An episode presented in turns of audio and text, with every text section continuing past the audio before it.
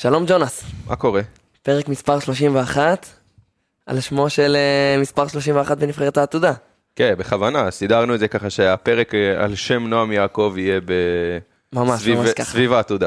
אז שנייה לפני שאנחנו מתחילים לצלול פנימה, אה, אני רוצה לפתוח באיזה ספיץ' קטן, גם עוד מעט יהיו פה אריאל אייזיק ורון ציפר שירחיבו, אבל היידה. בוא נדבר. נבחרת ישראל בעתודה היא אימפריה. אימפריה. גמר ב-2017, זכייה ב-2018, זכייה ב-2019, טורנירי challenger מוצלחים, ועוד גמר ב-2023, וגם ב-2022, חצי גמר. אימפריה.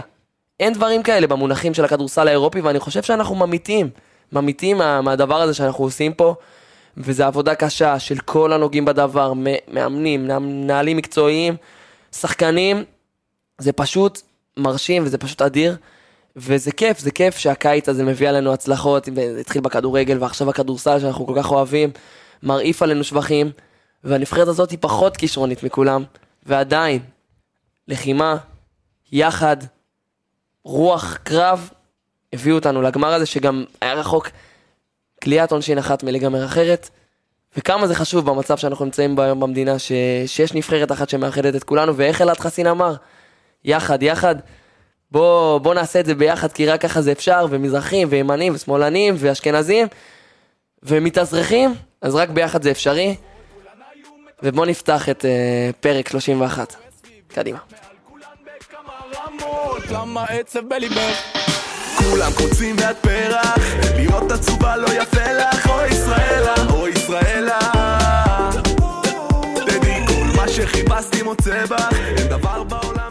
אז או נגיד- ישראלה, או ישראלה. איזה שירים, איזה יכולות ווקאליות יש פה לג'ונס, אז נגיד שוב שלום ליונתן ג'ונס יובל. מה קורה? בסדר גמור. תראה, רגע, דיברת על הקיץ של הספורט, אני, אני רוצה לקחת את זה מעבר לכדורגל כדורסל, כי זה קיץ בינתיים מופלא לספורט הישראלי, אה, אם נוסיף לזה את בלסינג אפריפה שזוכה באליפות אירופה עד גיל 23, ונוסיף לזה את שרון קנטור אה, בגלישה, ובאמת, ויש זה- לנו עוד אליפות עולם בשחייה. ויש לנו עוד אליפות עולם בשחייה בבטח. כל הספורט הישראלי נדבק במה שהתחיל אופיר חיים אה, בנבחרת הנוער, אחרי זה נבחרת הצעירה בכדורגל, ונבחרת העתודה בכדורסל.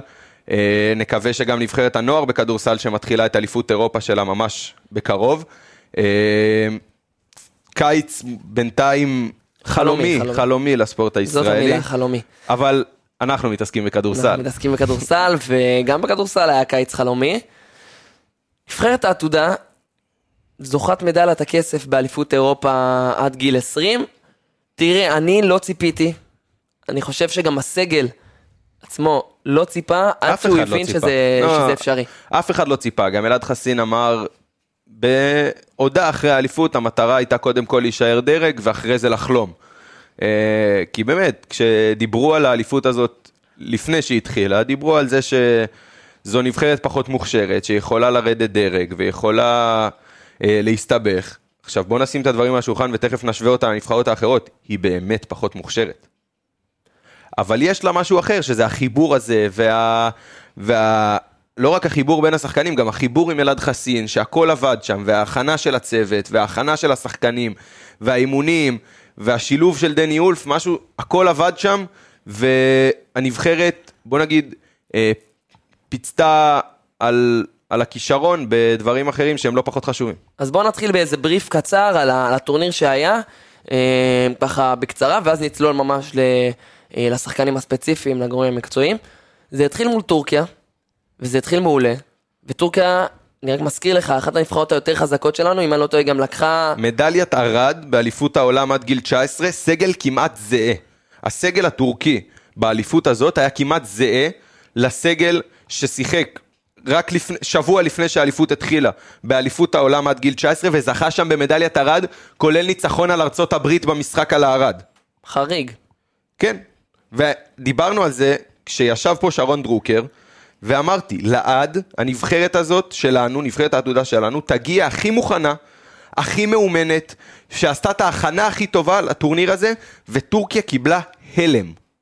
הלם. הלם, ואנחנו יודעים שתמיד, אה, הנבחרת הזאת לימדה אותנו שיש את נועם יעקב ודני וולף, ובניצחונות, באמת, במשחקים הגדולים, מגיע עוד איזה X factor. אז במשחק מול טורקיה, ה X factor הזה היה אה, אריאל אייזיק, שבאמת עוד מעט תהיה פה וגם נשאל אותו על המשחק וגם הזה. רון ציפר, רון ציפר במשחק נגד טורקיה, קלע- היה הקלע המוביל של ישראל, מעל וולפי, מעל נועם יעקב. כן, חד משמעית. שני, פשוט תצוגה של ישראל מול טורקיה, אה, אבל אז הגענו למשחק מול בלגיה, צריך להגיד, פחות מ-20 שעות אחרי המשחק מול טורקיה. הרי המשחק שלנו היה המשחק המאוחר מול טורקיה, ולמחרת היינו המשחק המוקדם מול בלגיה. ככה שהנבחרת נפלה מהרגליים כבר במחצית השנייה, והפסדנו לבלגיה, בוא נגיד בהפסד מתקבל. מתקבל לגמרי. בטח בטורניר, צריך לזכור, הטורניר הזה של העתודה הוא קצת אחר. כולן עולות, יש ארבע נבחרות שמשחקות בבית וכולן עולות לשמינית הגמר. בסוף, המשחק הכי חשוב בטורנירי העתודה, גם בטורניר הנוער שיתחיל עוד מעט, זה משחק שמינית שמינית הגמר. הגמר, בדיוק, זה המשחק ההצלבה. שקובע אם אתה עולה להתמודד על 1-8 או יורד 9-16 להיאבק על אה, הישארות בדרג. חד משמעית. אה, בין המשחקים אה, של טורקיה ובלגיה, אז משחק מול איטליה גם, הפסד, וכל אלו הובילו אותנו למפגש בהצלבה נגד קבוצה הכי הכי חזקה שיש, וכבר התחילו באיגוד להתכונן לסיטואציה שאנחנו נאבקים פה על אה, ירידת דרג, רק נסביר רגע. בטורנירים כאלה, אה, 16 נבחרות, אחרי ההצלבה בעצם מתפצלות לשמונה הגדולות רבע הגמר ושמונה האחרונות, כששלוש יורדות דרג. ששלוש יורדות דרג בדיוק. אז כבר היה חשש, כי באמת ספרד זה כוח ש... שקשה לעצור. כן, ספרד, אה, אנחנו מכירים את הנבחרת הספרדית בכלל, ובגילאים הצעירים, וכל הסיפור בכדורסל הספרדי שביחד עם הצרפתי הוא הטוב ביותר באירופה. אה, ובנבחרת ספרד משחק חואן נוניז. עכשיו, מי, מי שלא מכיר את חואן נוניז, חואן נוניז גדל בריאל מדריד, בגיל 17 כבר שיחק בבוגרים של ריאל מדריד, ועכשיו אה, בשנה האחרונה שיחק באולם, בגרמניה, שחקן אלופת גרמניה. מוביל בגרמניה, אלופת גרמניה, אה, בפעם הראשונה בהיסטוריה, ובאמת, שחקן ברמה מאוד גבוהה, ולא רק הוא, יש גם את אה, מייקל קייסדו ועוד כל מיני שחקנים, ברצלונה, ו, ושחקני מכללות, ומגוון של שחקנים, אה, והצלחנו לנצח. זה, זה בעצם היה המשחק ש... של- המשחק של האליפות. שעל על הגלים שלו התקדמנו הלאה לג- והלאה. לגמרי. אני חושב שאנחנו גם עוד מעט נשאל את כמובן את ציפר ואייזיק, אבל משהו שם בהכנה של אלעד חסין, ראינו שם דברים אחרים לגמרי. האזורית עבדה מעולה, עבדה מעולה, ולאורך כל המשחק, אני לפחות, שאלתי את עצמי, מתי זה ייגמר? מתי הספרדים יתחילו לברוח? מתי החלום הזה שאנחנו מובילים על נבחרת ספרד כל כך איכותית, עם אה, סגל שהוא הרבה פחות איכותי, יותר נלחם, אה, אבל פחות איכותי אה, מבחינת כישרון, מתי זה ייעלם, וזה לא קרה. והמשחק הזה באמת היה נהדר, וגם דני וולף היה שם אדיר, וגם יובל לוין היה שם טוב מאוד, וציפר, אה, וכמובן נועם יעקב, אה, ומשם התקדמנו ל- לרבע הגמר, שם פגשנו את נבחרת גרמניה. אה, שנבחרת גרמניה, שוב, היא לא מאריות אירופה, אבל היא נבחרת עם כישרונות מאוד מאוד טובים, ו... ובסך הכל, זה, בוא נגיד שזה לא היה המשחק הכי קשה שהיה לנו, אבל עוד הצגה גדולה מול גרמניה. גם כן. שם ציפר מככב. שוב פעם, נבחרת גרמניה היא בטוח לא פחות טובה מאיתנו, בוא נשים את הדברים על השולחן, ברמת הכישרון היא גם כנראה יותר טובה מאיתנו. בנבחרת גרמניה משחקים שחקנים אדירים כמו מייקל רטאי ועוד ועוד ועוד ועוד ושרודר, אה, לא אותו אחד שאנחנו מכירים, אבל גם אה, שחקנים באמת מאוד מאוד מוכשרים. והיופי בנבחרת ישראל זה שבכל משחק היא שמה לעצמה את הכוכב של הנבחרת היריבה כמטרה ועצרה אותו. אם זה טיס דה רידר במשחק נגד בלגיה, גם בשלב הבתים, הוא לא היה טוב. הוא לא היה טוב, הנבחרת הבלגית ניצחה אותנו אמנם, אה, עם שחקני משנה שלה כמו דימריה ועוד אה, כל מיני, אבל טיס דה רידר לא היה טוב. אם זה נגד הספרדים חואן נוניז, הנבחרת שיתקה אותו. ואם זה נגד הגרמנים, מייקל רטאי, שגם אותו הנבחרת הצליחה לשתק. אז ההגנה הזאת, ההתמקדות בכוכב, בזה שמוציא לפועל בנבחרת היריבה, היא מה שעשתה את הנבחרת שלנו לכל כך טובה. והיא באמת הייתה טובה, כי הגיעה, כמו שאמרת, מול בלגיה, שיתקה אותם לגמרי. כן, אבל בוא נסייג רגע את המשחק נגד הבלגים, כי הכוכב הבלגי, ואולי השחקן הכי טוב באליפות הזאת. איסטר רידר, סיים את המשחק אחרי שלוש דקות. עולם אחר, שם, באמת, בפציעה של דה רידר, היה לי ברור שהנבחרת תנצח, הנבחרת הבלגית היא לא אותה נבחרת. זה משפיע, זה משפיע. ואני שואל אותך, אם למרות אתה... שאני מאמין שהם היו מסוגלים לעצור אותו כמו שהם עצרו אותו במשחק. נכון, ועדיין, אני שואל אותך אם אתה מוציא מהנבחרת שלנו את נועם יעקב, הנבחרת שלנו מגיעה רחוק כל כך? חד משמעית לא. אז זאת התשובה שלך. צר לי להגיד, אבל גם יכול להיות שאנחנו לא נשארים בדרג. ה- נכון, אז זאת התשובה שלך. יפה, יפה, אז... אה, ודרך אגב, הפסדנו בגמר, אבל כן. גם הגמר משחק אז אנחנו, אני הירואי. בדיוק צולל אל הגמר. הירואי. כי באמת היה שם משחק אדיר, פתחנו מדהים, הובלנו בתשע על נבחרת צרפת, נבחרת שבואו נשים את הדברים על השולחן, ניצחה את כל המשחקים שלה בהפרש ממוצע של 33 נקודות. 33 נקודות, כן, ואני- נתנה לה מארחת אני- אני אוהב יוון, להוריד אותך קצת. רגע, נתנה לה מארחת יוון 40 הפרש בבית שלה. אני אוהב להוריד אותך קצת, הממוצע הזה קצת משקר, כי נבחרת אה, צרפת ניצחה ב-65 הפרש נבחרת איסלנד, ככה שזה קצת אה, משקר, אבל עדיין, אה, מעבר, חוץ ממשחק אחד, כל המשחק, ולא כולל המשחק נגדנו, כל המשחקים היא ניצחה בדו ספרתי, וגם אותנו באיזשהו שלב, זה היה נראה שזה הולך לכיוון הזה, כי איפשהו בסוף רבע שלישי, תחילת רבע רביעי, ההפרש הזה עמד על 10 נקודות פלוס מינוס, והרגשנו כולנו, שהנה נבחרת צרפת בורחת לנו ואין סיכוי וזה. ואז שוב פעם הנבחרת שלנו התעלתה, והצלחנו להשוות את המשחק, ובמהלך האחרון גם מהלך אדיר של נועם יעקב ודני אולף מוביל לסל ועבירה על דני אולף, שמחטיא את זריקת העונשין. ודווקא דני וולף מחטיא, השחקן בסדר, עם- אני... עם אחוזים מעולים. נכון, אבל עדיין, אנחנו לא... הכל בסדר, הכל כן, כן. בסדר, זה, זה קורה, אין, אין פה ביקורת על דני וולף חס שבאמת היה. מדהים, אדיר. אבל מבאס, מבאס, וגם ראינו אותו אחרי המשחק מתפרק שם. לא רק הוא, כל הנבחרת, גם הוא וגם נועם יעקב, וראינו את אה, אלעד חסין עובר אחד-אחד ומנחם אותם, וראינו את נועם יעקב ניגש לדני אולף ומנחם אותו, והחיבוק בין השניים היה כל כך מרגש, אה, אבל עדיין, גאווה עצומה. גאווה עצומה. בהערכה רק נגיד זה כבר היה סיפור אחר, אה, לא כוחות, לא- הצרפתים, כן. אה, נבחרת מאוד חזקה באמת, יש להם פרוספקטים מפה ועד הודעה חדשה. שחקנים באמת יוצאים מן הכלל, חריגים, באמת. בגילאים האלה, השחקנים שיש לצרפ... לצרפתים, גם מבחינת אתלטיות וגם מבחינת גודל, זה פשוט חריג, גם אם זה מקסים ריינו, ותכף אני אזכר בשם של ה... השחקן, אה, קמרדין, שחקנים באמת בסדר גודל אחר ממה שיש באליפות הזאת. קמרדין, דרך אגב, כמות אה, ציוצי הנאצה שראיתי עליו אחרי המבט הזה שהוא דפק לנועם יעקב, לא יודע אם ראית? אה, שחקן, באמת, שחקן, שחקן, מפלצת. אבל עדיין, לא נשכח לו את המבט. בסדר. טוב, אז עברנו על הטורניר. עכשיו השאלה הגדולה היא לאן זה יכול להוביל, כי יש פה שחקנים שמנסים לפתח קריירות, ואנחנו עטורי ניסיון מקמפיינים מוצלחים, וגם עוד מעט נצלול ממש אה, ונשווה ונבין רגע כמה יצאו ולאן. אה, קצת לפני זה בוא ניתן רגע קרדיט לצוות המקצועי, אלעד חסין, עמית שרף, עוזר המאמן, יואב שמיר עוזר המאמן, מנהלי הקבוצה, פיזיותרפיסטים, אה, מאמני הכושר, פיני גרשון, שבאמת עושה עבודה נהדרת, נהדרת בנבחרות הצעירות, והוא מביא תוצאות, תראה. פיני גרשון, מנהל מקצועי של אה, הנבחרות הצעירות, אני חושב מאז 2016, אם אני לא טועה, מאז, נבחרות העתודה, עפות קדימה. כן, אבל שוב פעם, צריך להגיד, אמרתי את זה בעבר ואני אמשיך להגיד את זה. המבחן של נבחרת העתודה הוא לא הטורניר אה, ולזכות בטורניר.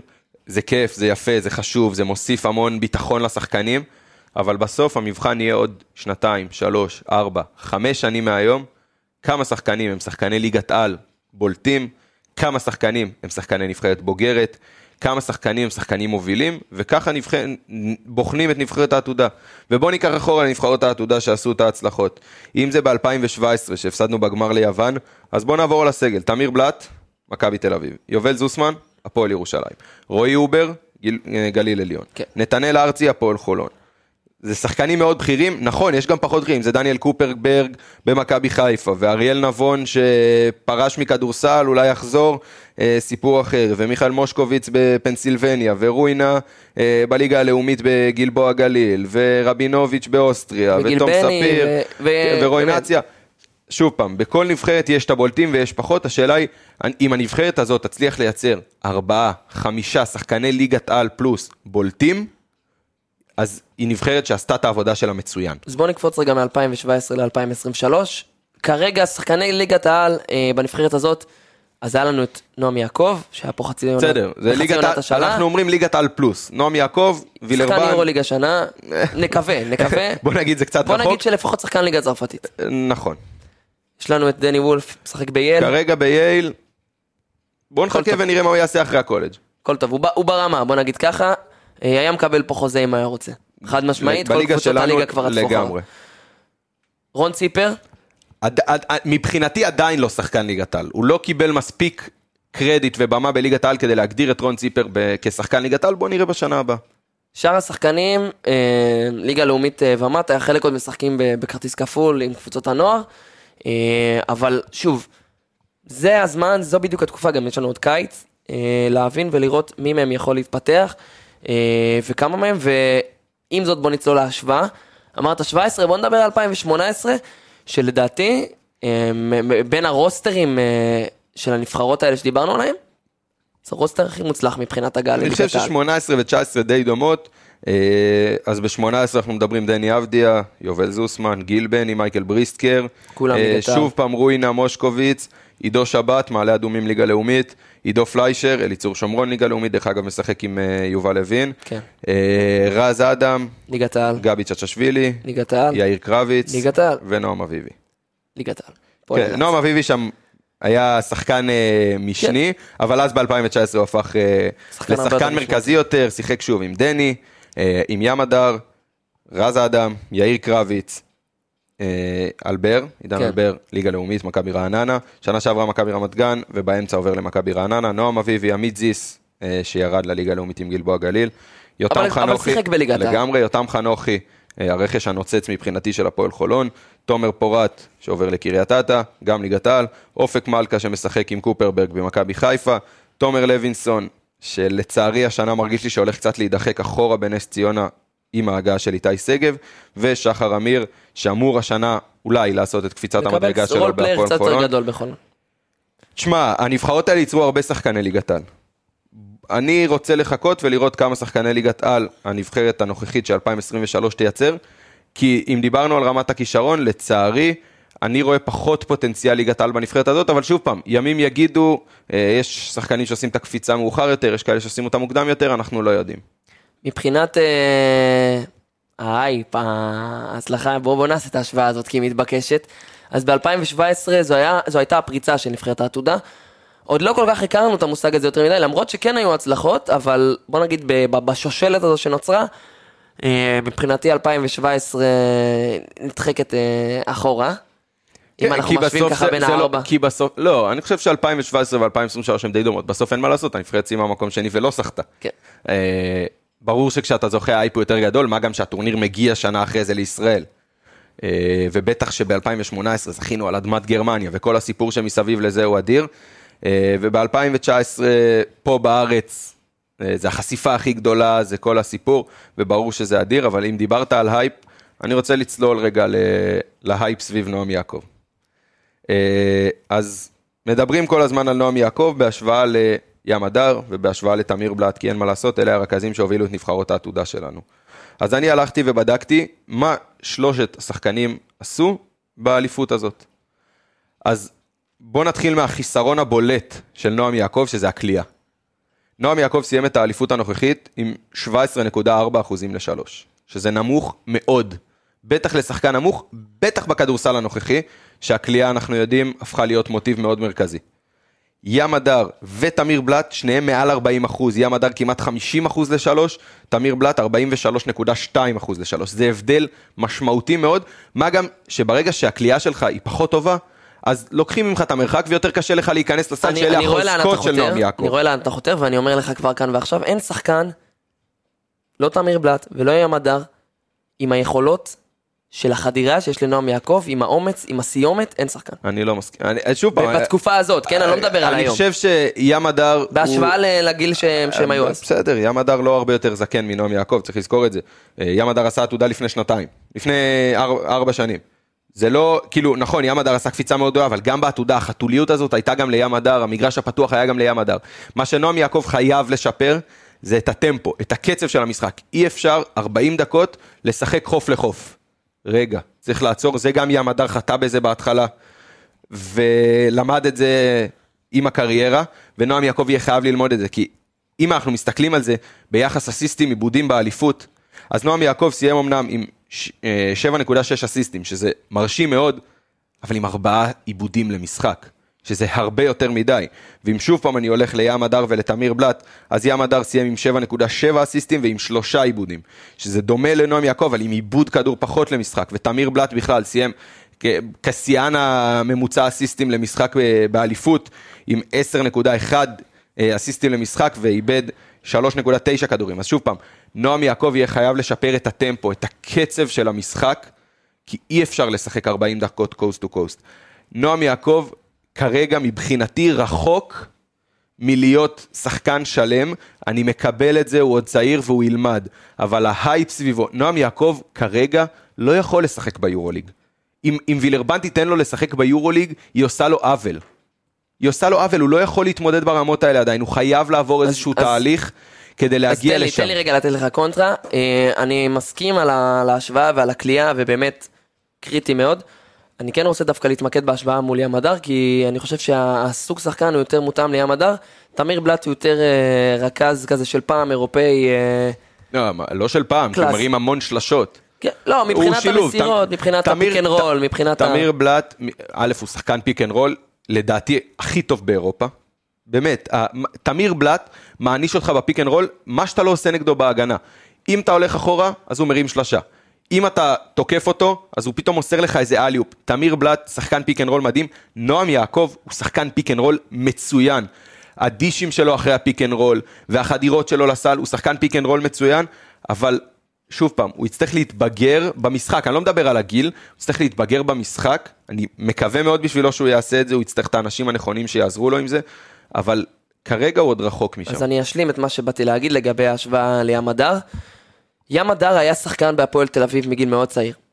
נועם יעקב קפץ מנוער, הגיע ישר לקבוצת הנוער של וילרבן, שיחק פה חצי עונה, לא שיחק יותר מדי, אני חושב שאפשר להשוות את כמות הדקות שהוא שיחק בחצי עונה לכמות הדקות ים הדר היה משחק אה, בדרך כלל. אז אני כן חושב שבנקודת הפתיחה נועם יעקב קצת יותר חסר ניסיון ברמות האלה, מעניין לראות את השנה הזאת בווילרבן, שהוא משחק באמת עונה מלאה בקבוצת בוגרים, וכמו ששמענו אותו מדבר בערוץ הספורט, אה, ממש פרויקט אישי אה, של אה, טי.ג'יי פארקר, המאמן שם, אח של טוני, שדרך אגב נועם קצת מזכיר אותו, וגם ים מזכיר אותו. אז בואו נראה אחרי השנה הזאת את ההתפתחות שלו, ולאן זה הולך, ו, ובאמת, הלוואי, הלוואי, הלוואי, שנעמי יעקב יצליח להגיע לפסגות הכי גבוהות. ועם הדברים האלה נראה לי אנחנו ניגש לחלק השני של, ה, של הפרק שלנו, כי ממש ממש אה, יושבים ומחכים אריאל אייזיק ורון ציפר. אה, אז קדימה, בואו נארח את אריאל אייזיק ורון ציפר. Around the world.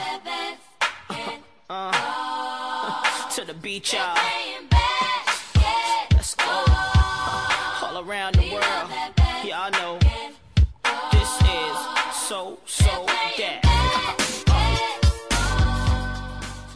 אז חצי שני של הפרק יוצא, ושלום לאריאל אייזיק ורון ציפר. שלום, שלום. מה נשמע? בסדר גמור, מה איתכם? מעולה. נו, מה אומרים על השיר פתיחה? כבר העלה בכם איזה זיכרונות, 2K12 כזה? וואי, האמת זה קלאסי, זה השיר, אה, זה נראה לי הכי טוב שאפשר אה, לפודקאסטים כאלה. אתה רואה, כבר מפרגנים לנו, ג'ונס. טוב, אנחנו פה לפרק סיכום של הקמפיין, ו- והיה קמפיין באמת אדיר, וגם דיברנו קצת לפני, ו- ואנחנו רואים את התחושות שלכם, אתם עוד קצת בבאסה, אבל בואו בואו תספרו לנו על, ה- על החוויה הכללית שלכם. תתחיל, תתחיל. אה, שמע, חוויה כללית אה, מטורפת, זה היה חוויה שלדעתי תישאר לנו כל החיים. אם היית שואל אותי לפני מה, מה אני חושב אם נגיע למדליה כזאת, אז אולי לא הייתי אומר שנגיע לגמר ומדליית כסף, אבל כן חשבתי שאנחנו נבחרת טובה. אה, אבל להגיע עד לשם ולהפסיד כבר בגמר זה באמת מבאס, במיוחד שהרגשנו את זה בדקה האחרונה בסוף שזה שלנו, אבל אה, בסוף מאוד גאים, אתה יודע, מדליית כסף זה לא משהו שבא ברגל. אה, אני, אני דווקא לא היה לי ציפיות, אה, לא כל כך. כן, מה, מה חשבת שיהיה? לא יודע, ראיתי, כאילו גם במשחקי אימון, היה קטעים שקצת פתאום רצו עלינו, אז היה לנו קצת קשה לחזור, ורגעים לא, לא כל כך טובים. אה, ופתאום באליפות איכשהו עשינו סטפ אפ במשחקים מסוימים. אה, גם נגד ספרד, אה, גם נגד טורקיה שפתחנו מצוין, כאילו, אחרי טורקיה אמרנו, טוב זהו, זה שלנו כאילו. ודווקא אז הגיעו שתי הפסדים, אבל דווקא תוך כדי האליפות ראיתי את השיפור שלנו והאמנתי תוך כדי. והצוות מדבר איתכם על זה? על זה שבחוץ אומרים שאנחנו לא זה, אבל אנחנו נבוא להוכיח אחרת, או מתעסקים בזה בכלל? במה אומרים? אה, הצוות לא כל כך דיבר איתנו על זה, אתה יודע, בסוף אנחנו שחקנים, אנחנו ברשתות החבר- החברתיות, אנחנו רואים דברים, וכאילו כן הבנו שמדברים עלינו פחות, כנבחרת פחות מוכשרת, פחות טובה מכל מה שהיה בשנים האחרונות.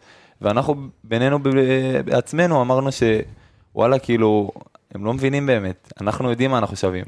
אנחנו ביום נתון יכולים לנצח כל נבחרת, אבל באותו מצב, כאילו, אנחנו מגיעים לא טוב למשחק, אנחנו יכולים גם להפסיד לכל נבחרת. אז תן לי להעמיד אותך במבחן. אני אקריא לך סגל של נבחרת קודמת, תגיד, ברמת הכישרון, אם אתם שם. אה, ניקח את 2019, איזה אתה אהבת? הכי כישרונית, לדעתי 2019, יאללה. כן. דני עבדי, היה מדר, רז אדם, יאיר קרביץ, עידן אלבר, נועם אביבי, עמית זיס, יותם חנוכי, תומר פורת, אופק מלכה, תומר לוינסון ושחר אמיר. בבריף מהיר יש פה תשעה שחקני ליגת העל, אולי תשעה שחקני ליגת העל. אתם שם? אה, אני חושב שיכול להיות מאוד שעוד כמה, שלוש שנים, ארבע שנים, אתה תראה הרבה שחקנים מהנבחרת הזאת בליגת העל, וכאילו אפילו משפיעים. אה, להגיד לך כמה בדיוק, אני לא יודע, אבל אה, אני חושב שאנחנו באמת, אנחנו נבחרת גם מאוד מאוזנת, ושבסופו של דבר אתה תראה שגם החמישייה וגם שחקנים מהספסל וגם ההתפתחות מסוימת של אנשים, כי זה בסוף גם מזל ואיך שדברים קורים ומתגלגלים בסוף. אני כן חושב שאנחנו נבחרת שהרבה שחקנים ממנה יוכלו לצאת שחקנים טובים מאוד. אני חושב שאם היית מסתכל אז, שהם היו בגיל שלנו, הם לא היו שחקני ליגת העל, כאילו רובם היו ליגה לאומית או כאילו ליגת העל אבל לא, לא כמו עכשיו. אה, כי לדעתי שחקן לוקח לו זמן להתפתח ובגילאים יותר מאוחרים אתה רואה אותם פורצים, כי זה גם הניסיון, זה גם פיזית אתה מתפתח, אה, ב-IQ כדורסל, בהרבה דברים. אז אני חושב גם שעוד כמה שנים אתה גם תראה הרבה שחקנים מהסגל הזה מגיעים לליגת העל. ג'ונס פה צלל כבר לשלב הבא, אבל אני עוד רוצה להתעכב על הטורניר הזה. אה, אז אמרתם, פתחתם מול טורקיה והרגשתם שאתם כאילו, זה שלכם. ואז הגיעו שני הפסדים, ואותי מעניין דווקא, לשמ... מעניין אותי לשמוע על העבודה המקצועית שם, אחרי שני ההפסדים האלה, שאתם ניגשים ואתם יודעים, "או, יש לנו את ספרד, שכולם יודעים איזה נבחרת זו, אה, ומה אלעד והצוות אומרים לכם, אתם יושבים, מה, מה התוכנית משחק, איך אתם משנים גם את המרקם, גם מבחינה מנטלית, גם מבחינה מקצועית. אה, ראינו שם איזה אזורית, ספרו לנו רגע על התהליך באמת בין שני המשחקים האלה. בין המשחק האחרון אה, מול בלגיה למשחק מול ספרד בשמינית הגמר. אה, קודם כל אני חושב שזה מתחיל לפני. ניצחנו את טורקיה והיינו ב-I מאוד מטורף, כאילו הגענו, אני זוכר בחימום, ציפר יכול לאשר גם, היינו באמת באנרגיות שלא ראיתי אותנו ככה אף פעם בחיים. מאשר? מאשר, מאשר לגמרי. היינו ב-I מטורף, והמשחק, אם אתם זוכרים, גם הטורקי הגבוה, הוא הטביע והוא שבר את הסל. כן. והמשחק שלנו גם ככה היה מאוחר, וידענו שיום אחרי זה אנחנו משחקים בארבע. כמה קיללנו אותו? כן, גם אנחנו, אני בטוח שאתם, אנחנו קיללנו אותו פה, אז אני בטוח מה עבר לכם בראש, כי וואלה, יש משחק עוד, אה, מה, 12 שעות. כן, אה, הגבוה 20 שעות. המלא כזה הטורקי, אז אה, שם נגמר המשחק, בעצם סיימנו אותו, אני חושב הגענו למלון באיזה 12 ורבע, 12 וחצי, עוד לא אכלנו ארוחת ערב, וכבר אתה יודע שיום למחרת אתה משחק בארבע, כאילו עוד 16 שעות אתה כבר אמור לשחק משחק, עזוב אותך חימום, עזוב אותך אימון בוקר, כאילו לא היה לנו אימון בוקר באותו יום, בקושי אכלנו צהריים, זה היה, אני זוכר שהגענו למשחק כאילו מבחינה מנטלית גמורים. אז uh, משם זה הגיע, ואז איטליה שיחקנו משחק לא טוב, ובלגיה שוב פעם, גם הפסדנו וגם שיחקנו לא טוב, אז זה היה קצת בעייתי באותו זמן, כאילו שהרגשנו שאנחנו גם לא משחקים כדורסל טוב. אבל uh, האמת שהתחושות בנבחרת, יחסית לשחקנים, שקיבלנו את ספרד, כאילו אמרנו בואנה, אנחנו יכולים לעבור, שיחקנו מולם, אנחנו יודעים מה המצ'אפ שלנו איתם, אנחנו יודעים ש... וואלה, הם ממש טובים, כאילו, בוא, זה נבחרת ספרד, זה לא סתם יש להם. גם שחקנים מוכנים כבר שמשחקים בוגרים. נוניז משחק, אלוף גרמניה עם אול משחק, לא עכשיו אה, שחקן, אה, אתה יודע, שמיניצ'י, שחקן בולט באולם, קייסדו ששיחק בברצלונה, שחקנים מוכחים. כן. אז הנבחרת אלעד והצוות הכינו אותנו ממש טוב לכל השחקנים, ידענו מה אנחנו רוצים, ידענו, רצינו שנוניז יהיה לתת לו להיות יותר scorer, כאילו שפחות יפעיל את החברים שלו, ולדעתי השחקן הכי טוב שלהם זה רובין דומינגיס מספר 9, לא אמרנו שאנחנו בשום מצב לא נותנים לו catch and shoot, לא נותנים לו להיכנס למשחק, אם הוא נכנס למשחק הוא וקייסדו, אז הלך עלינו, ואני חושב שהגענו וגם עשינו את השיטת משחק שלנו בצורה מושלמת.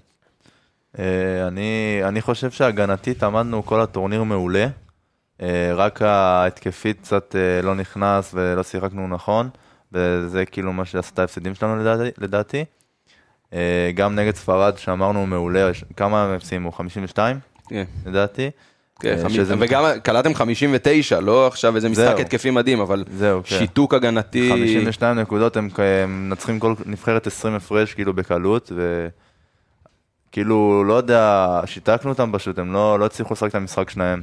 כל האזוריות, כל הדברים האלה, זה... וגם ל- בגלל המשחק אימון, אני חושב, שעמדנו איתם יפה, זה עזר לנו מאוד מנטלית, ראינו שאנחנו יכולים לנצח אותם.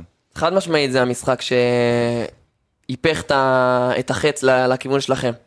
כן, אני חושב שגם ראו את זה, שאחרי המשחק מול ספרד, אה, הרגיש לי כאילו גם... השתגעתם, אתה במיוחד אייזיק. כן, הרגיש לי גם, והרגיש לנבחרת כאילו ירד לנו איזה אבן, כאילו משם השתחררנו וגם נראינו הרבה יותר טוב. עזוב, בהתקפה אז קצת כדורים לא נכנסו, אבל הרבה פעמים הגענו לסיטואציות ממש ממש טובות בהתקפה, הגענו לזריקות, בסוף לא נכנסו, אבל בסוף שאתה משחק טוב, וגם איך ששמרנו, אני חושב, בכל הנוקאוט מהמשחק מול ספרד, שום קבוצה אולי חוץ מהצרפתים, שבסוף הם כלו הרבה, כל קבוצה שיתקנו אותם על 50 נקודות בערך, שיחקנו הגנה כאילו מטורפת. ואם אתה אומר ירדה האבן, אז היה חשש לרדת דרג.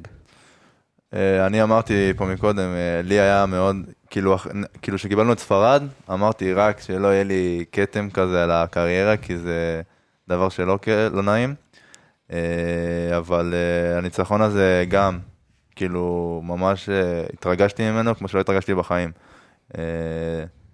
כאילו, ירדה לי אבן מהלב, ומאז כאילו, כל הנבחרת השתחררה. וזה. שחרר בדיוק, זה כל הנבחרת וגם אותך ספציפית, כי אחרי זה מול גרמניה, אה, אחד המשחקים הטובים שלך, אה, גם השלשות קצת חזרו להיכנס אחרי שפתחת מול טורקיה 5 מ-12, אז כן. קצת אה, החטאות והחטאות והחטאות, ושם קצת חזרו. כן, קצת לא טועה חזרה. 3 מ-9, אם אני לא טועה. כן, אה, לא מבינים שהטורניר הזה זה כאילו דבר שאף שחקן לא רגיל אליו.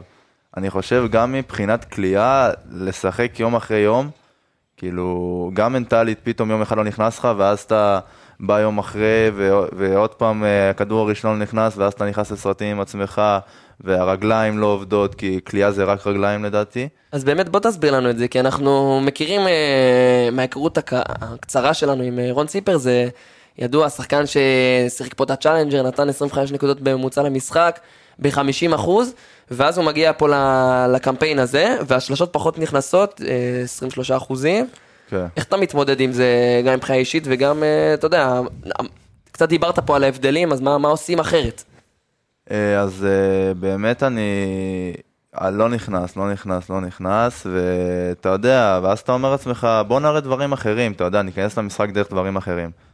אה, הגנה זה משהו שישב עליי לאורך, כאילו, כל הקריירה הקצרה שלי, שהיה דיבור שאני לא שומר, ולא זה, ולא לא מנסה, חושב רק התקפה, ורציתי להוכיח שאני גם יכול לשמור, שיכול לתת גם בצד הזה של המגרש, ושאני לא רק עלאי. אה, וגם אה, פתחתי את המשחקים אחרי יותר חדירות, יותר נכנסתי לצבע. אה, וזה עבד. זה עבד. היו, צריך להגיד, סיומות וירטואוזיות, כמה ביד שמאל ואפילו ביד ימין. אה, ו- וזה כן, לפחות איך שזה נראה מבחינת האנרגיות שלך בזמן משחק, זה כן עשה את העבודה והכניס אותך למשחק. לגמרי, לגמרי, ואז אה, גם, אה, אתה יודע, כליאה, אתה בא יותר בביטחון, אתה לא תלוי רק בה. כי כשאתה תלוי רק בכליאה, אתה תבוא לכליאה, ואתה פשוט רק תחשוב עליה, אתה אומר, אם אני מחטיא, מה אני שווה כאילו, אתה מבין?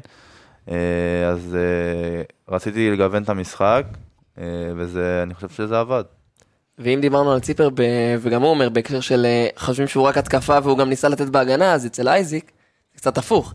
כי הטיקט שלו הוא שחקן שהוא יותר הגנתי, אה, אבל במהלך העונה בנתניה, 35% ל-3, בקמפיין הזה גם לך מאוד קשה, היה מאוד קשה התקפית, ראינו שם כמה לאפים כאילו שיוצאים החוצה, וגם אותך מאוד מתוסכל מזה שאתה לא מצליח לסיים את הכניסות האלה, ש... שכנראה בדרך כלל אתה מצליח.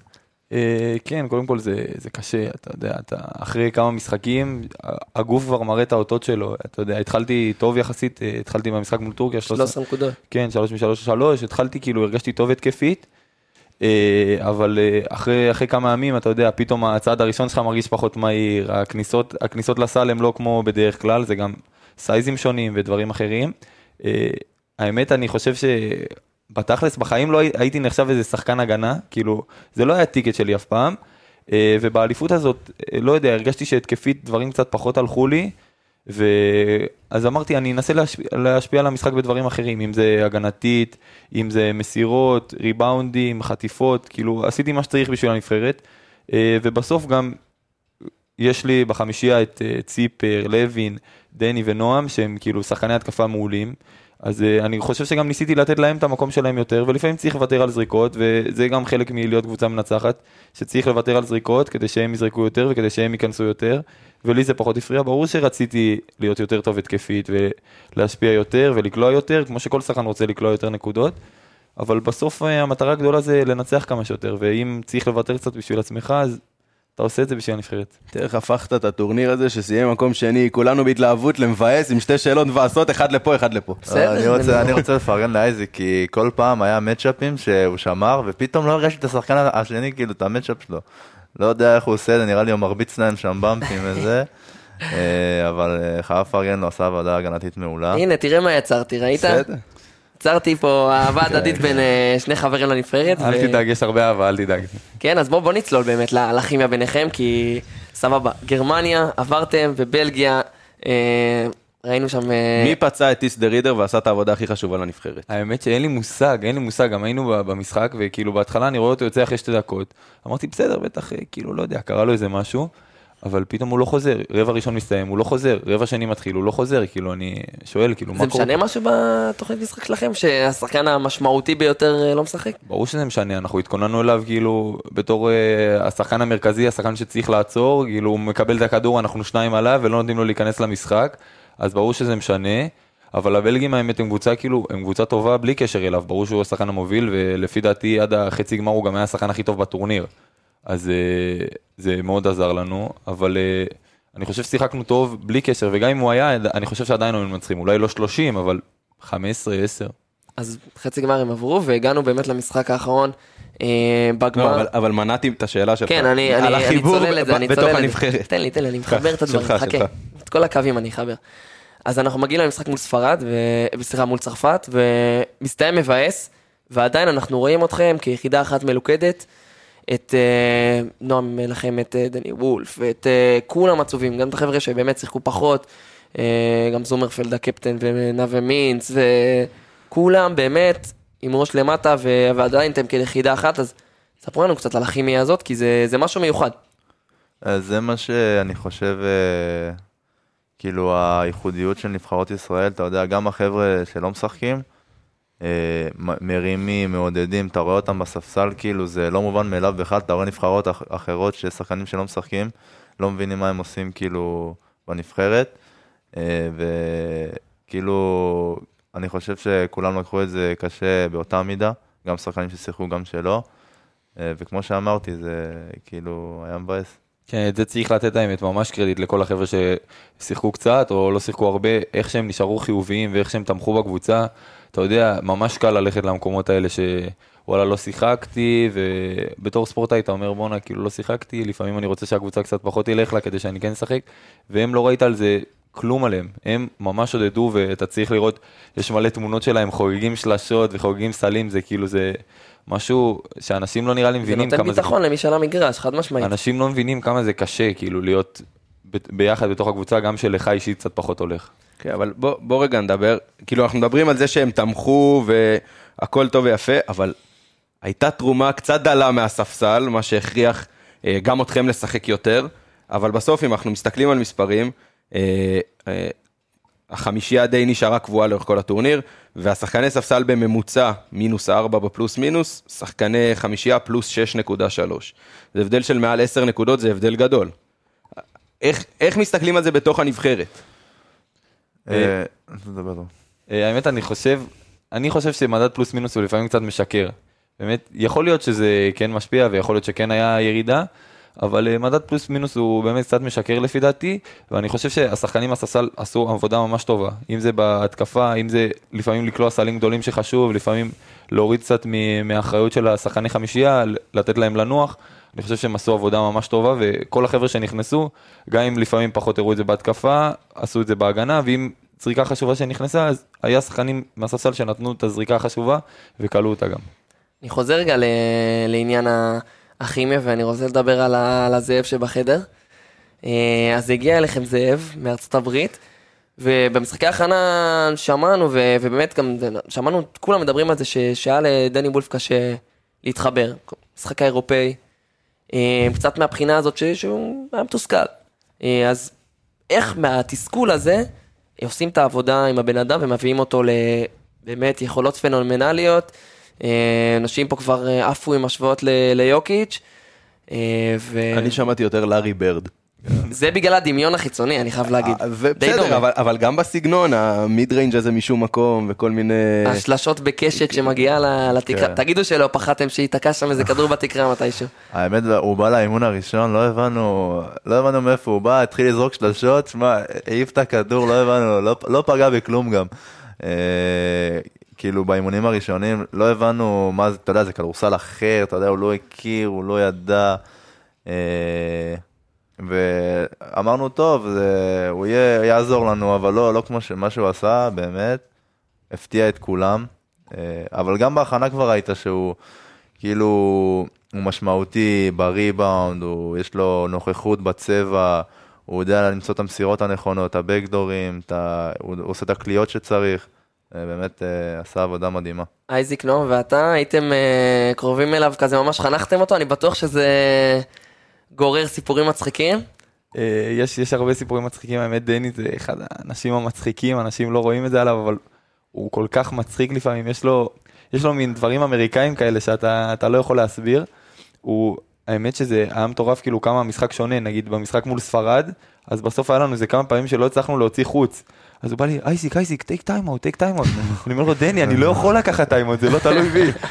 אז אה, זה, וגם היה לו חמש שניות שם בסוף, אז הוא בכלל, הוא בכלל כאילו זה היה לו קשה מאוד להתרגל, אבל מה שהוא עשה שם זה באמת מטורף, אנשים לא מבינים גם כמה הידיים שלו טובות, אתה, יש ריבאונד, אתה רואה שלושה אנשים פתאום הוא ככה, עם יד אחת תופס את הכדור, לוקח אותו, ואתה רק צריך לחתוך בהתקפה והוא כבר ימצא אותך, זה אחד האנשים שהכי כיף לשחק איתם. עוזר לעשות תואר ב-AI, הופך אותך גם לחכם בכדורסל. כן, הוא, הוא מסודר, לא, אנחנו לא צריכים לדאוג לו, אם זה לא יהיה בכדורסל אז זה יהיה בדברים אחרים, הוא מסודר מאוד. אני בטוח גם שלראות שחקן, הדעות חלוקות, 2-11, 2-8, 2-13, אבל שחקן כזה רץ את המגרש, היה לו שם איזה מהלך כזה, כן, מעביר בין הרגליים, to coast. מאחורי סיבוב. מסתובב, זה היה... מדהים, מדהים. פסיכי. אה, ובאמת דני, מה הכי, הכי מצחיק עליו היה שכל פעם הבן אדם היה מזמין וולטים. אתה רואה שליחים מסתובבים במלון, כל, ארוח, כל ארוחה הבן אדם מזמין וולט, אז אה, לא יודע מי, מי אמר? חזי, המנהל נבחרת, קורא לו דני וולט, לא דני וולט. זה היה, תקשיב, הבן אדם יש לו קיבה שאני לא יודע מה הוא אכל שם, כל המסעדות כן. היווניות היו באיקון. צריך- לטפח 2-11. כן, כן. בן אדם שוקל מעל 100 קילו, בכל זאת. אה, ודני ונועם זה, זה משהו שצריך לדבר עליו, כי אנחנו מכירים צמדים מהנבחרות האלה, בין אם זה תמיר בלאט ויובל זוסמן, ואחרי זה דני ויובל זוסמן, ואחרי זה ים ודני, אה, וגם דיברנו קצת על ההשוואה בין הצמדים. אה, אז דני וולף ונועם יעקב, זה משהו שהוא קצת אחר, אני חייב להגיד, כי אף פעם לא היה לנו איזה צמד כזה קלאסי של גבוה ורכז. כי, כי אין לך שחקנים 2-11 ישראלים, אתה יכול לספור אותם על, על כף יד אחת. והם מאוד מתאימים אחד לשני, כי נועם יעקב אנחנו יודעים שמאוד אוהב את ה pick and roll, ואז יש לו למי למסור בצבע, והנבחרת שלנו, אני לא חושב שראיתי אי פעם משחק כדורסל עם כל כך הרבה חיתוכים ובקדורים, כמו שהנבחרת שיחקה. אה, אה, כל pick and roll תחת, קוראים לזה, שהוא מקבל את הכדור, מישהו... בצק- בצק. כן, כן, כן, אלעד כל הזמן אמר לו, תהיה כמו יוקיץ', תהיה כמו יוקיץ', יוקיץ', הוא קורא לו, תעשה עם הבצקים ותמסור. כן, אני חושב שהסגנון משחק שלנו היה כאילו מושלם בשביל נועם ודני, זה באמת, כאילו, הוצאנו משניהם את המיטב, כל ה pick and roll, כל ה- כל הדברים שדני ו- ונועם אוהבים לעשות, אז אותם שיחקנו הרבה והגענו לחוזקות שלהם, וזה גם עזר לנו כנבחרת. זה היה ממש חד טוב. משמעית, חד משמעית. אה, וזה היה תענוג באמת לראות את זה בצורה הזאת. אה, אני חושב ש... שהקושי הגדול, אחרי שאתה מגיע, מה שנקרא לאולימפוס, גם יוון מתחבר יפה, אה, ו... ולא מצליח ל... לקחת את התואר, זה הירידה לקרקע. שניכם עכשיו חוזרים, אה, מה זה עכשיו? אני מניח שיהיה חופשות ודברים, אבל אתם חוזרים בקרוב למסגרות הקבוצתיות. אה, ציפר אתה בבאר שבע, אייזיק אתה בנתניה. אה, איך, איך חוזרים לקרקע אחרי דבר כזה? קודם כל, מנוחה, שבועיים לפחות, שבוע וחצי. לא נוגעים בכדור. לא נוגעים. לא כלום, נוגעים, כלום, לא רוצה לראות אפילו כדור עכשיו. אם מישהו אומר לי בוא תראה כדור, די, עזוב אותי, אני לא רוצה, לא רוצה לראות. כן, הייתה הכנה מאוד אינטנסיבית, בגלל שלא היה הרבה זמן. היה, זה היה הקמפיין הכי קצר של נבחרות ממה שהבנתי. אה, והייתה לנו גם הכנה עשרה ימים, נחתנו בווינה, אחרי זה לסלובניה, אחרי זה לספרד, זה היה טורניר מתיש מאוד. אה, אז חייב את ה break הזה, ואז אה, להתחיל לחזור עבודה אישית, לשפר את המשחק, ו- ואז חוזרים למסגרות, כל אחד. וכשחוזרים למסגרות, משהו משתנה, אם זה ביטחון, אם זה דברים אחרים, בזכות האליפות? קודם כל זה ברור, אה, אני חושב שגם מבחינת לחץ ופרופורציות, אני, אני מקווה מאוד שיהיה לי עוד צ'אנס לשחק בדבר כזה, אבל לשחק בגמר אליפות אירופה, אז אתה יודע, עם כל הלחץ וכל הזה, אז זה גם נותן לך הרבה ניסיון. בסוף אה, שחקן אה, צעיר שמקבל ניסיון זה גם, זה דבר אחד החשובים. ואני חושב שאני אהיה יותר מוכן מה- בבחינה הזאת, שכאילו יש לי ניסיון, שיחקתי כבר במעמד מטורף. כאילו אם אתה אומר לי איפה היית לפני שלושה ימים ואיפה אני עכשיו, זה, זה קצת פסיכי עדיין וקצת אה, קשה לעכל.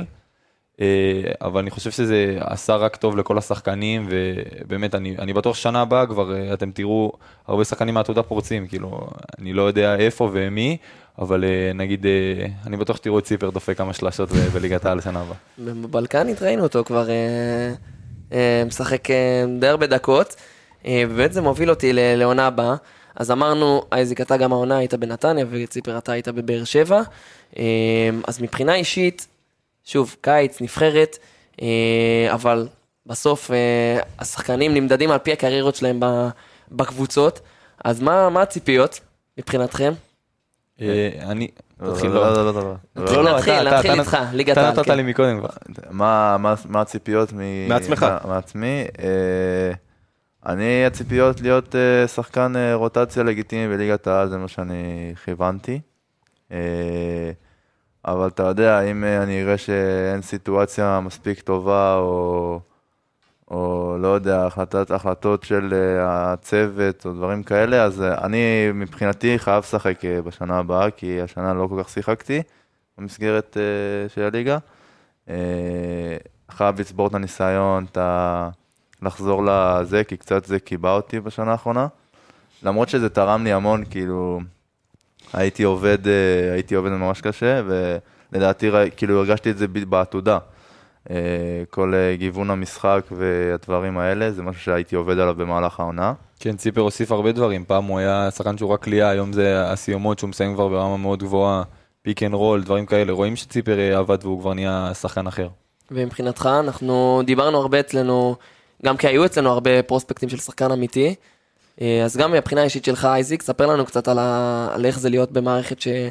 אה, של אילצור נתניה, ש... ששחקן אמיתי, אה, פועלת שם חזק, וגם מבחינתך, מה הציפיות?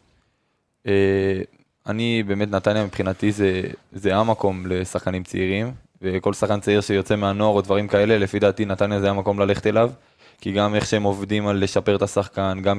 איך שהם עובדים, הם שמים את השחקן לפעמים לפני הקבוצה, זה, זה דברים שאתה לא רואה כל כך בקבוצות בוגרים ובדברים כאלה.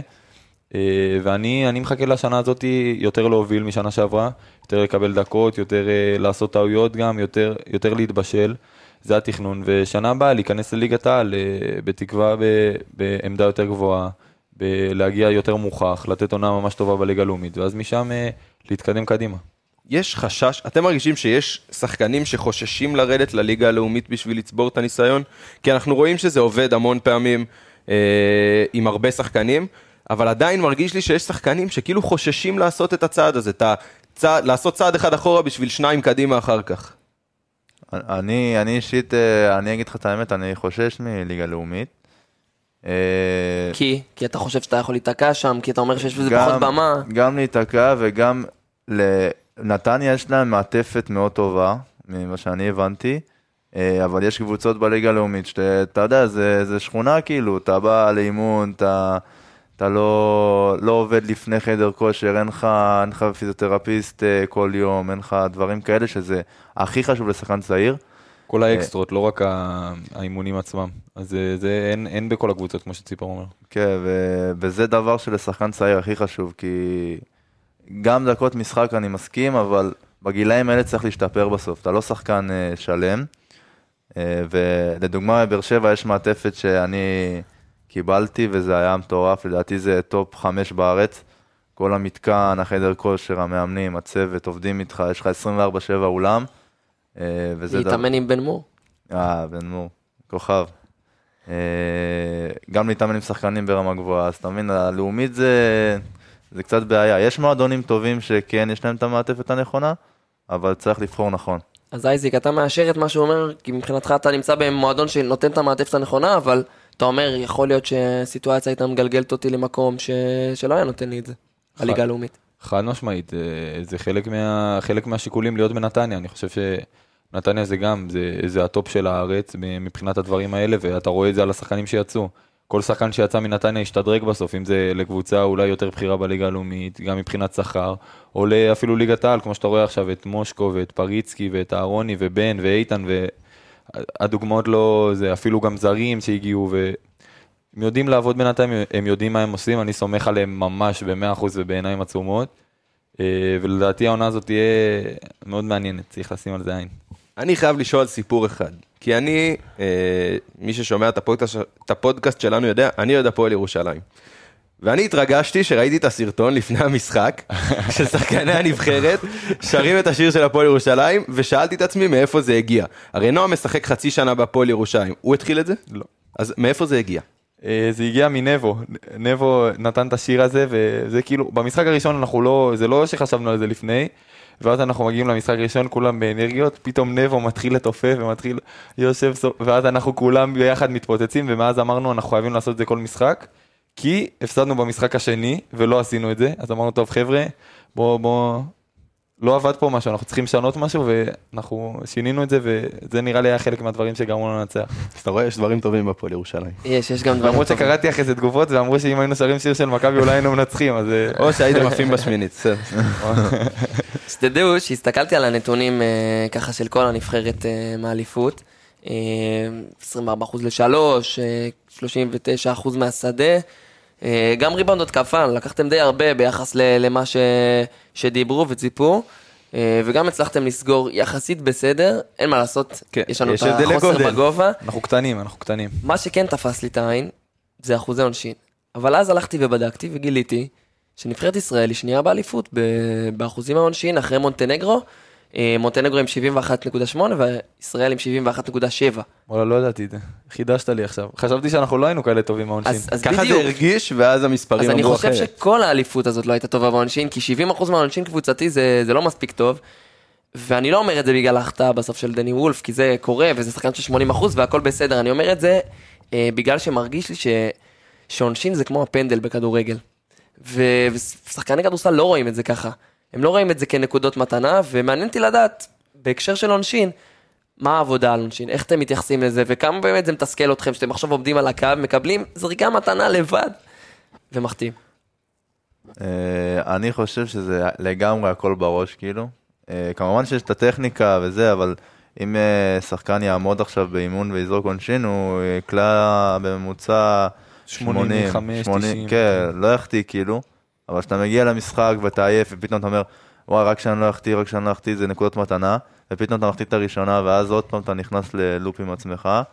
אה, אז זה גם הרבה עבודה מנטלית, אה, ולגמרי זה נקודות מתנה, כאילו, אבל אה, שחקנים כאילו נכנסים ללופים האלה, והכדור יוצא לפעמים. אז כן, מה עושים? בסוף זורקים? אנחנו עדיין צעירים גם, אתה יודע, אנשים בני 20, אתה יודע, חלקנו התחלנו את הקריירה הבוגרת רק עכשיו, ורק בכמה שנים האחרונות, אז להגיע פתאום לזרוק עונשין בגמר אליפות אירופה או בחצי גמר אליפות אירופה, זה לא כמו לזרוק עונשין באולם חצי ריק ב- בליגה הלאומית או דברים כאלה, אז אה, כן, אני חושב שזה משפיע. אה, אבל בכללי אני כן חושב שאנחנו מסתכלים על זה כנקודות מתנה, במיוחד אני וציפר שאנחנו קלעים בסוף, אז אה, זה כן נקודות מתנה. והאמת הופתעתי, אני חשבתי שהיינו נבחרת עונשין ממש גרועה יחסית לאליפות. אז מה הפתרון שלכם תכלס הוא פשוט לזרוק ולזרוק ולזרוק. אתה אומר אין איזה משהו שהוא... אני לא, לא חושב, אני לא, אני אישית לא זורק הרבה עונשין באימונים. אה, צריך אה, יותר כזה לדמיין שאתה קולע, אני חושב שזה דבר שיותר עוזר. רוטינה בג- כן, בגדול. רוטינות כאלה. כן, יש את הטקס. כן. מה הטקס? שני כדרורים, לחשוב, להגיד, נרגעתי וזורק. אני גם, אני גם שתי כדרורים, אבל אה, בלי נרגעתי. ככה, אני אני אוהב להגיד משהו לעצמי. יש שחקנים שמכדררים הרבה.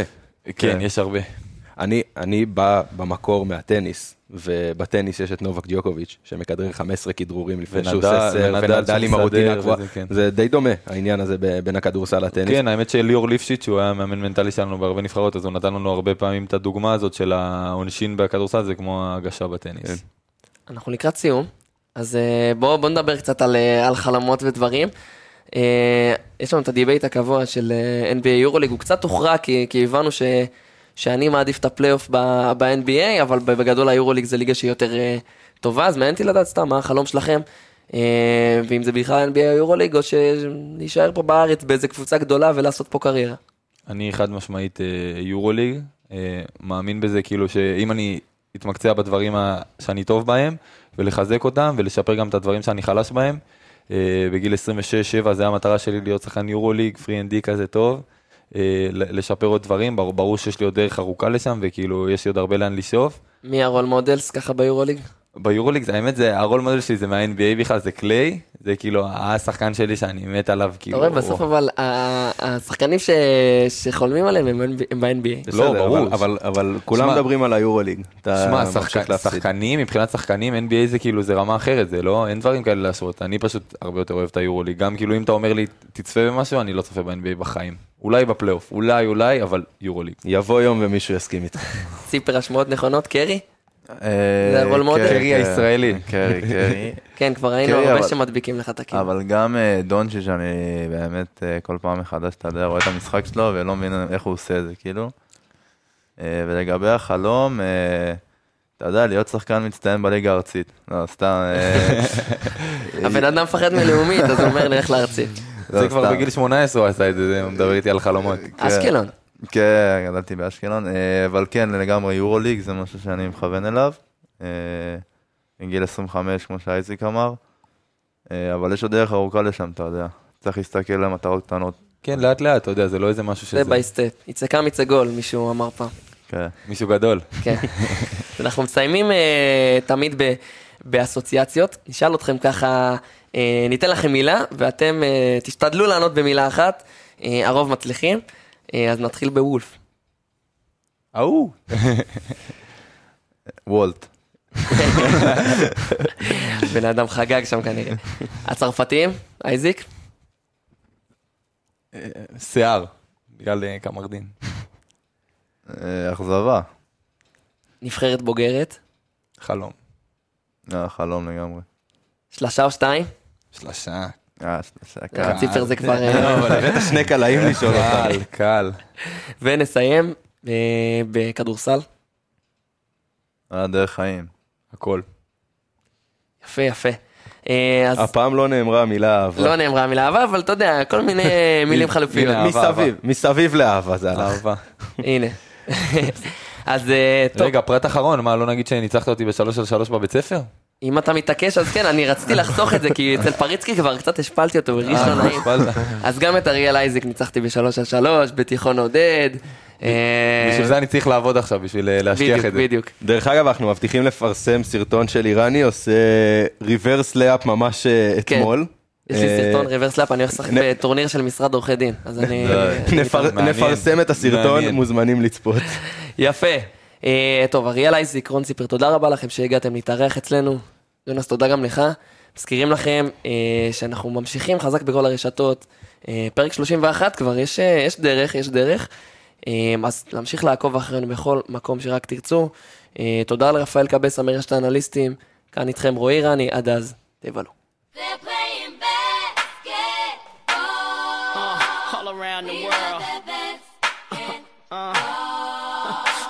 Basketball. To the beach, y'all. Let's go. All around the world. Y'all know. This is so.